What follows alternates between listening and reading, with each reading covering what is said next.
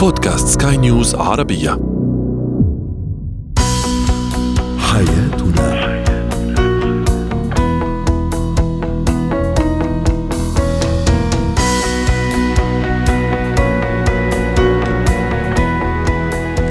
مستمعينا الكرام أهلا بكم معنا إلى حياتنا. فضاؤكم اليومي الذي يعنى بشؤون الأسرة وباقي الشؤون الحياتية الأخرى والذي يمكنكم الاستماع إليه عبر منصة سكاي نيوز عربيه dot com slash podcast وباقي منصات سكاي نيوز العربية الأخرى. شاركونا عبر رقم الواتساب 00971 خمسة ستة واحد ثمانية ثمانية ستة اثنان اثنان ثلاثة. معي أنا آمال شابة.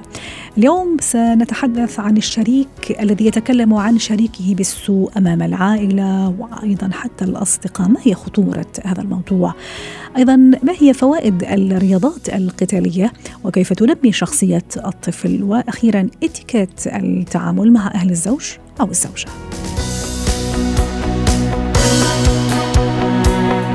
هو وهي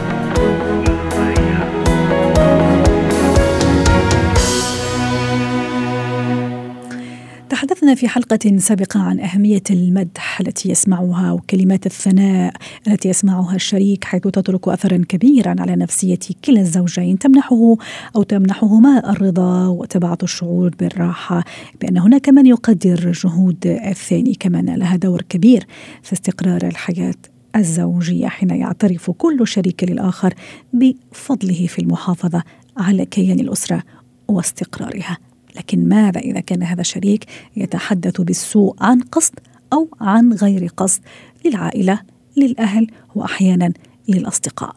للحديث عن هذا الموضوع رحبوا معي بدكتور خليفة المحرزي رئيس المجلس الاستشاري الأسري. سعد أوقاتك دكتور خليفة. دعني أستعرض مع حضرتك والسادة المستمعين بعض تعليقات المستمعين على سؤالنا التفاعلي. ما خطورة يتكلم الشريك عن شريكه بالسوء؟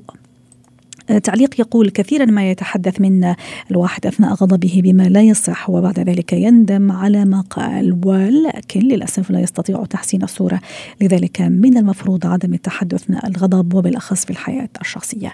تعليق محمد يقول انعدام الثقة هذه خطورة الموضوع وتعليق ثالث يقول الطلاق. دكتور خليفة أحيانا كما قلت عن قصد أو غير قصد أتكلم عن الزوج عن الزوجة بالسوء ممكن أنتقد أشياء ممكن أنا غضبانة من شيء أو غضبان من شيء. وبمجرد ما أحدهم يسألني خلينا نقول مثلا الوالدة الأخ الأخت عن الشريك كيف أحواله وكيف أحوالها يبدأ تبدأ الشكاوي ويبدأ الحديث بالسوء عن هذا الشريك. أنا شو عم أعمل لما أحكي بالسوء عن شريكي؟ هو لا شك إن الحديث عن الطرف الآخر يعطي انطباع وصورة. سواء كانت هذه الصورة التي تقبع في قلوب الآخرين تأتي بصورة جيدة أو بصورة سالبة أو بصورة مشوهة بناء على آلية النقل. فليس كمن سمع كمن رأى؟ الذي يسمع عن الشريك من انطباع من سلوك من قناعة تأتي مباشرة من الذي ينقل هذه الصورة. لذلك الإنسان يحرص دائما أن ينقل الصورة الجميلة التي تعكس مدى الاتزان والاستقرار والنضج والوعي عن شريك الحياة بدلا من تشويه صورته أمام الآخرين. صحيح. وما تتصور دكتور خليفة قبل ما أنا أكون أشوه صورة شريكي عم شوه صورتي أنا أيضا أنا ما دمت ما قدرت أحافظ على صورة الشريك مهما كانت سلبياته ومهما كانت يعني النقائص اللي موجودة فيه، أنا أول شيء الناس عم تنظر لي بنظرة يعني مش لطيفة إذا صح التعبير، ما رأيك؟ ولا شك إن الإنسان الناقل لهذه الصورة يحمل جزء من هذا الانطباع السلبي عن نفسه لكن المشكلة أنه دائما الذي ينقل الصورة بصورة سلبية أمام الآخرين ما يدعي أنه هو المظلوم وهو الذي قد تم يعني التعامل معه بصورة سلبية يدعي مظلومية شخصيته أمام الآخرين لكنه لا يدرك في حقيقة الأمر بأنه يحمل جزء من هذا التشويه عندما ينقل أخبار زوجته أو بيته بصورة سلبية. وهذا في حد ذاته فيها نهي شرعي ونهي قانوني ونهي أخلاقي بأن الإنسان يحاول أن يعكس ما يجري في بيته أمام الآخرين حتى لو كانت من الدائرة الخاصة صح. من أهله من خواته من والدته لكن ينبغي على الإنسان هنا أن يحافظ على الانطباع لأن الناس ستتعامل مع هذا الانطباع كانه هي الحقيقة. صح رائع. وحتى الانطباع أنا شو الانطباع اللي أعطيه دكتور خليفة لما أحكي عن زوجي بالسوء أو أصف أعطيه صفاته السيئة أو عن زوجتي أيضا؟ ما هو الانطباع؟ ما مثلا أعطي انطباع أنه أنا ما عم أحافظ على أسرار بيتي ما عم يعني عم حاول أعمل مجهود لأحافظ على هذا العائلة على هذا الكيان؟ ما رأيك؟ هو طبعا الذي ينقل هذه الصورة. وحتى إن كانت أحيانا صورة حقيقية اسمح لي دكتور خليفة. أحيانا ممكن نعم يعني ممكن آه، تعامل معي بسوء أو تعاملت معي بسوء في بعض النقائص في بعض السلبيات. أحيانا حقيقة لكن قصدي الكلام عنه بالسوء أتصور أيضا هو سيء لي قبل ما يكون لغيري أو لإله ولا شك أن ناقل الصورة يعطي انطباع سلبي عن شخصيته، لكن الإشكالية هنا أن الإنسان عندما ينقل صورة الشريك أمام الآخرين فهو ينقل الصورة الجزئية فقط لا ينقل الصورة كاملة وإنما هو يجتزئ بعض المواقف لكي يظهر أمام الآخرين بصورة البريء الذي تم الاجتناء عليه فهو يظهر بأنه كان مجني عليه. وهذا طبعا انطباع جدا سلبي لأن الإنسان العاقل والإنسان الواعي يدرك بأن أي سلوك خاطئ له تأثير من الطرفين سواء الناقل أو المنقول عنه. لذلك نحن دائما نحاول قدر الإمكان ونحرض الأزواج على تجنب هذا الأمر لأن هذا الانطباع يشوه من العلاقة ويعمل على تقويض الاستقرار في العلاقة الزوجية إلى جانب أيضا أن هذه الصورة عندما تنقل تتحول إلى ما يشبه صورة الجليد لأنها يصير في نوع من الحبس، نوع من التشويه، نوع من التهويل، نوع من التكبير، نوع من التخويف فبالتالي نحاول قدر الإمكان أن نتجنب هذا وحتى نوع من التوكيد ما أعرف إذا توافقني الرأي بمعنى أنا لو دائما أرجع أكرر نفس الكلام السيء ونفس الانتقادات خلاص يعني في اللا شعور أو في العقل الباطن خلاص هي توكيدات بالنسبة لي. حتى إذا هذا الشريك حاول يغير من نفسه حاول إنه يصلح الأمور حاول إنه يتدارك أنا خلاص هي راسخة ومتجذرة في العقل الباطن. وهذا الانطباع الذهني أو نسميه الإطار الذهني العاطفي يلعب دور حقيقي في ردة الفعل أو المشاعر أو الاحتقان أو العقوبة العاطفية بناء على المعتقد أو الإطار الذي يحمله الشريك عن الآخر. فهذا التوكيد نعم يعزز من الفجوة العاطفية ما بين الاثنين عندما يصل إلى مرحلة الاقتناع إن شريكي سيء غير جدير بالاستقرار غير جدير بالاستقرار. صح. فهو بطريق عن طريق اللاواعي سوف يؤكد بصورة لا بصورة غير مباشرة. التصرفات السلبية الحدة العصبية ردة الفعل الانتقاد البحث عن الأخطاء. فبالتالي أنا كأني أنا أتنقى السلوكيات السلبية وأركز عليها وأحولها إلى أزمة في العلاقة الزوجية. ممتاز وبالنسبة أيضا للشريك هذا اللي عم يسمع إنه آه، شريكته أو شريكها عم يحكي عنه بالسوء أيضا يا ريت تشاركني الفكرة أتصور إنه خلص هو سمع مرة ومرتين وثلاث بالنسبة له ما في مجال وما في آه، ما في داعي مش مجال ما في داعي لإنه يغير خلص من حاله ما دام الشريك يعتقد فيه هذا السوء ويحكي عنه بهذا السوء فما في داعي إنه يغير ويتغير من من يعني من من السيء للأحسن. وهذه حقيقة ماثلة في كثير من العلاقات الزوجية التي لا تصل إلى مستوى من التحسين أو من التطوير أو من التغيير أو من التبديل بسبب الاقتناع الذي يحمله الشريك عنه. فبالتالي لا يسعى في تطوير قدراته أو لا يسعى في تحسين سلوكياته لأن خاص وصل إلى مرحلة أن أنا أقول مهما فعلت صح. يذهب كل هذا الأداء هباء منثورا. فبالتالي يظل على نفسه وقد يصل إلى مرحلة من العناد. يصل إلى المرحلة من التشبث في سلوكياته ولا يعير الشريك أي اهتمام بعملية تجميل صورته أمامه. جميل. دكتور خليفة حتى نختم اليوم شو ممكن رسالتنا آه، للأشخاص اللي يتحدثون بسوء عن الشريك سواء مثل ما أشرنا في البداية قاصدين ذلك للتنفيس لربما أنه يطلع شحنة من الغضب. أحيانا مش قاصد آه، لكن الكلام زي ما تفضلت يعني لما يطلع ما, ما راح نرجع نصلحه خلاص يعني هو طلع. فشو ممكن نقول يعني آه، بديل لهذا الطريقة؟ طريقة تكون راقية وتكون متحضرة نحافظ فيها على احترامنا للشريك. آه، أول مسألة يجب أن نؤمن بتقنية وجه القمر، وجه القمر له وجهان، وجه المضيء الذي يراه العالم وهنالك الوجه المعتم في الطرف الآخر، أنا دائما أنظر إلى الإنسان بأنه ليس ملائكي وإنما هنالك جميع البشر لديهم من السلبيات والإيجابيات، لا يوجد هنالك إنسان معصوم من الخطأ فجميع البشر لديهم من الأخطاء والسلوكيات التي قد لا ترضي الطرف الآخر، أهم نقطة نصل إلى مرحلة التقبل. اني أنا اتقبل شريكي بسلبياته بمساوئه إلا إذا طغت السلبيات على الإيجابيات 70 30 هنا قد نصل إلى مرحلة عدم تقبل لهذا الإنسان. لكن نعم. بالإجمال نحاول قدر الإمكان أن نحافظ على الصورة الجميلة سواء لي أنا كشريك سواء مع أهلي مع أصدقائي مع الدائرة الخاصة. لا نحاول أن نشوه الآخرين أمام آه المجتمع حتى لا نعكس مدى السوء في علاقتنا الزوجية. شكرا لك دكتور خليفة المحرزي رئيس المجلس الاستشاري الأسري ضيفنا العزيز من أبو ظبي. الحياة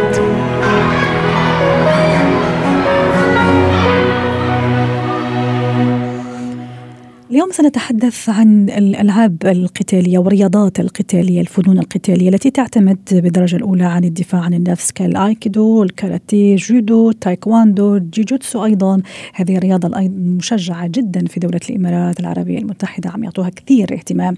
آه هذه الرياضات اللي أيضا عندها شعبية في العالم في الحقيقة خاصة بين فئة المراهقين والشباب ومن الجنسين سواء كانوا آه أطفال يعني ذكور أم أو فتيات. ما هي هي فوائد هذه الرياضات القتالية في تنمية شخصية الطفل وفي تهذيب أيضا سلوكه وتعديل سلوكه إذا ما كان هذا السلوك عدواني. رحبوا معي بلما صفدي الاختصاصية النفسية والتربوية. سعد أوقاتك أستاذة لما اليوم حديثنا عن أهمية الفنون أو الرياضات القتالية. لما أنا أفكر أني مثلا أسجل ابني في نادي من هذه الأندية شو ممكن الإيجابيات اللي تخطر على بالي وتشجعني على طول أني فعلا أخطو هذا الخطوة؟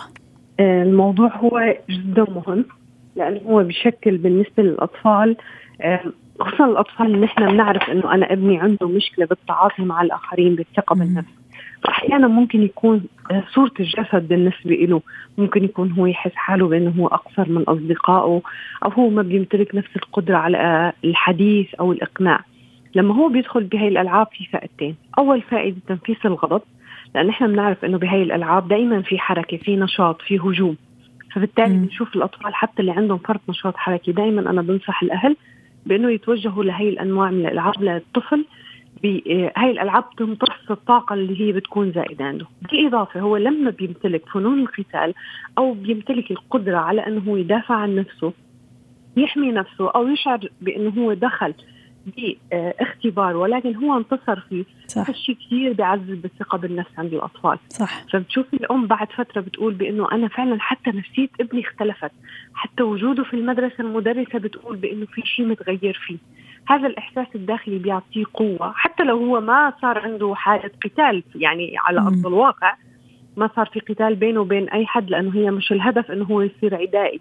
لكن بيعطي شعور بإنه أنا أستطيع. صح. وعلى ذكر العدائية يا ريت أيضا نحكي في هذا النقطة. أنا مرة سألت أحد الأشخاص اللي فعلا يمارس رياضة الجيجيتسو يعني هو ما شاء الله كل عائلته أولاده والبنات أيضا آه، فيقول إنه هذا النوع من الرياضات ابدا مش عنيف ولا عدواني بالعكس هو يعني هو هدفه التركيز. وبالتالي كل الناس أو تقريبا معظم الناس اللي يمارسوا الرياضات القتالية هم ناس هادئين عندهم هدوء عندهم سلام داخلي لأنه هذا الرياضه يعني فائدتها التركيز وليس العدوانية. التركيز هي فكرة كثير مهمة لأنه نحن بهاي الألعاب لحتى نكون عندنا القدرة نسيطر على أنفسنا ما نتحول لأشخاص عنيفين بدائيين أول شيء بيعلموهم فكرة أنه هو يركز على هدف معين صح.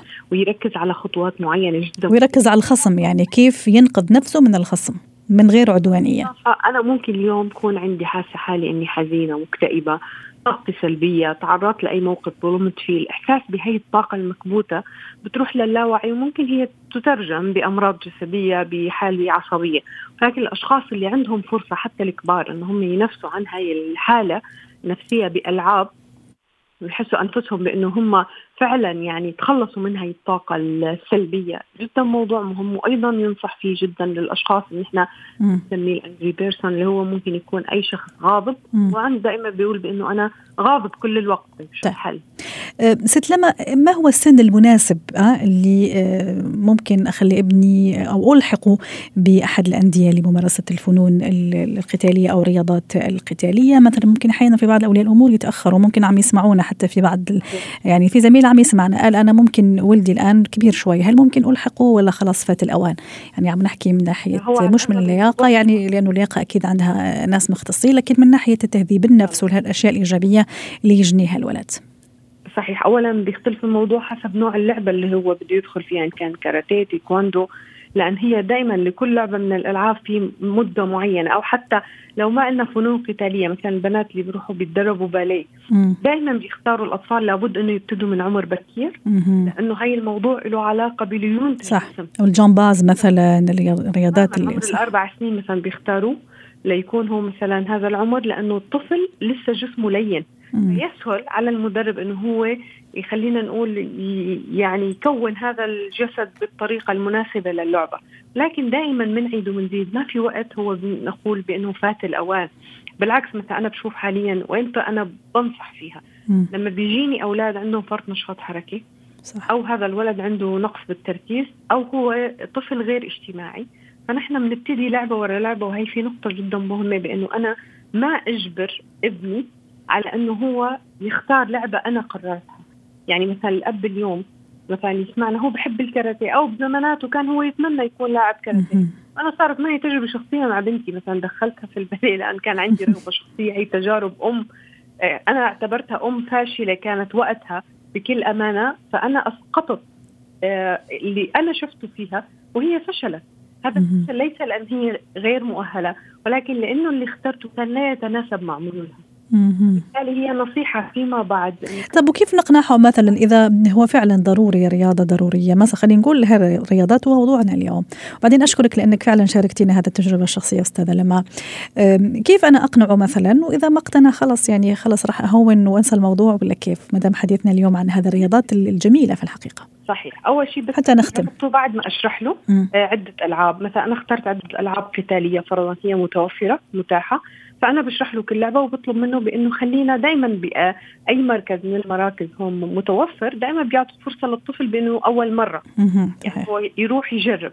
وهون بتظهر ميول الطفل. وعادي طبيعي كثير إنه الطفل يجرب أول أسبوع ويقول بعدين أنا ما عجبني. يعني هون ما نعتبر الموضوع بإنه هو انسحب أو انهزم. لا ممكن فعلا هو ما كان سعيد بالتجربة. ما أضغط عليه أعطيه خيار لحد ثلاث خيارات. إذا امتد الموضوع للخيار الرابع لا الطفل عنده مشكلة بأنه هو يا مفرط الدلال يا أما هو موضوع أخذه على سبيل السخرية. يعني هو عم يتسلى فينا مثل نحن بنقول بالعامية. هون يعني الموضوع الأهل لابد يكونوا منتبهين بأنه أنا بعطيه أول فرصة ثاني فرصة المفروض الثالثة يكون قرار نهائي. لأنه أحيانا في ناس بتكون مهنتهم بالحياة في أشخاص بيكون سبب نجاحهم الوجود. صحيح. بالتالي ممكن أنا اللي قدمه لابني يكون هو آه، يكمل شخصيته. أيوه ومهم جدا على ذكر الشخصيه حتى نختم في عشر ثواني. مهم جدا إني أيضا أشوف شخصية طفلي إذا كانت ميالة لهذا النوع من الرياضات أو لا أحيانا الشخصية أيضا مش أحيانا دائما تلعب دور كبير في خياراتنا في هذه الحياة. شكرا لك أستاذة لما صفتي خبيرة الخبيرة التربوية ضيفتنا العزيزة من دبي. اتكات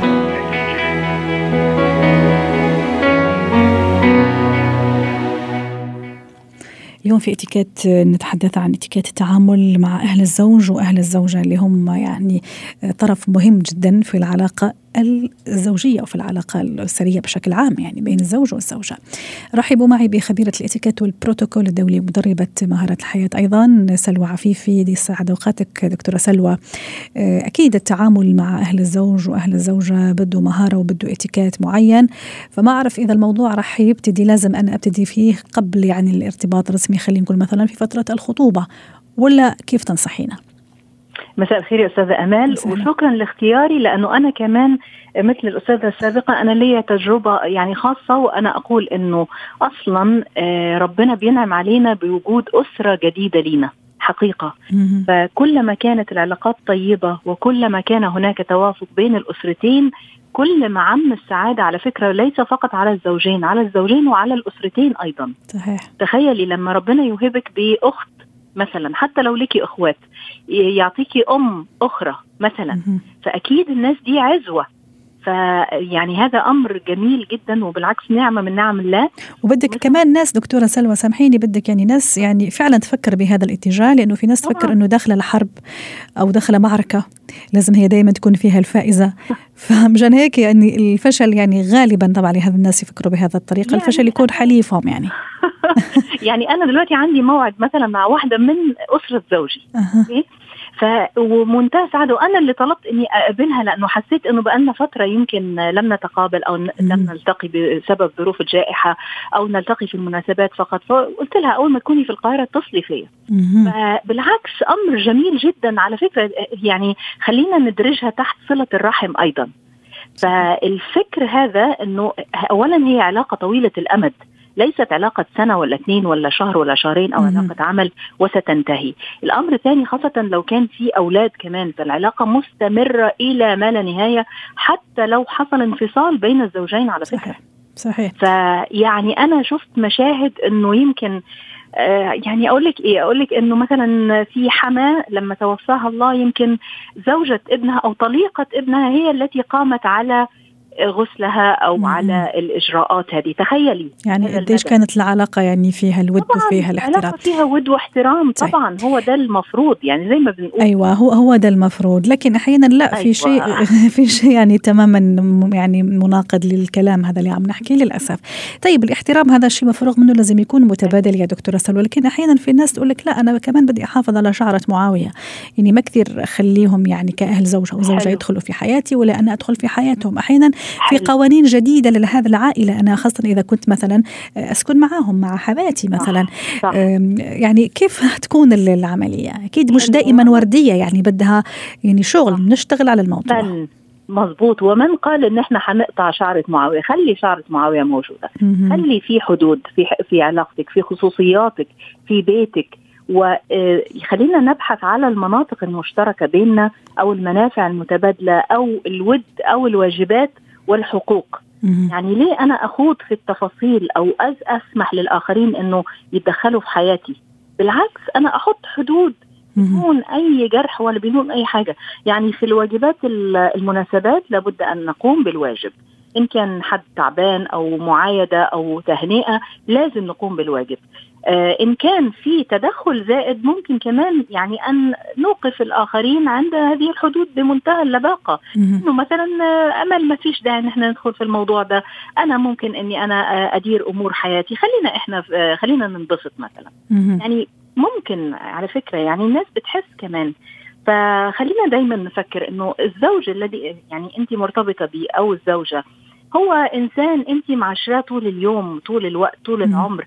آه يعني مشاركين بعض في كل شيء. فأمه أكيد هي شخص يهمه مثلا طبعا. أو أخته أو أخوه. طبعا. وبالتالي أنا كيف إني أعادي شخص مهم بالنسبة للشخص اللي هو أنا أدعي إنه حبيبي صح. أو شريك حياتي؟ صحيح وأنا أتصور إنه من غير الذكاء أيضا حتى ما أقول الكلمة يعني العكس الذكاء يعني من غير الذكاء إنه أنا أدخل في معركة أنا عارفة مسبقا إنه يعني خاسرة يعني سواء كنت زوج أو أو زوجة يعني حتى بالنسبة للزوج اللي ممكن ما كثير يتقبل أهل زوجته أو أو حماته وما إلى ذلك. طيب ست سلوى الوقت عم يدهمنا مثلا أنا بدي أحكي مثلا في موضوع الأولاد. أحيانا يكون شوية في مشاكل في طريقة تربيتهم كيف أربيهم.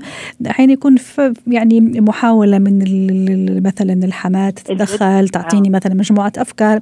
أنا ما آه. أتقبل الموضوع. يعني كيف كيف آه. الطريقة تكون؟ شوفي ممكن جدا بالطريقة حلوة إنه نقول لها على فكرة في طبعا أكيد طريقة رغم إنه طبعا أنا أنا شخصيا أحكيك شخصيا أنا من الناس اللي كثير يعني أحب يعني لحد كبير الطريقة يعني التقليديه لأنه صراحة يعني كانوا يعني على حق في أشياء كثيرة حتى ما أقول في كل شيء يعني. بقوله. أنا لسه كنت بقول إنه أكيد لازم تعززي كلامها وتقولي لها إنه أكيد انت ربيتي أولادك بطريقة صحيحة وكنتوا أنتوا خير يعني خير من ربانا. آه ومع ذلك برضو إنه يمكن الأطفال بيختلفوا إنه أصبح هناك والجيل مختلف. صح. جيل مختلف أصبح هناك دخول الإنترنت وجيل مختلف. آه، الآن الأمهات يقرأوا كتب عموما على فكرة ويتبعوا كل التعليمات وفي شهر الكذا أنا أكله مثلا هذه الأكلات أو كذا. فأحيانا يعني ممكن أنه نطيب خاطرها أنه آه أنا هعمل كده إنما في البيت معظم الوقت أنا أعمل الطريقة اللي أنا شايفاها مناسبة. ولا مانع من التفاوت أحيانا يعني أو المرونة أحيانا مطلوبة صحيح يعني صحيح. حاجة في الدنيا في الحياة تمشي بالمسطرة والقلم. تماما. لازم يكون في لأنه إحنا بشر مختلفين يعني. صحيح. شكرا لك أستاذة سلوى عفيفي خبيرة الإتيكيت ومدربة مهارة حياة. هذا ضيفتنا العزيزة من القاهرة يعطيك العافية.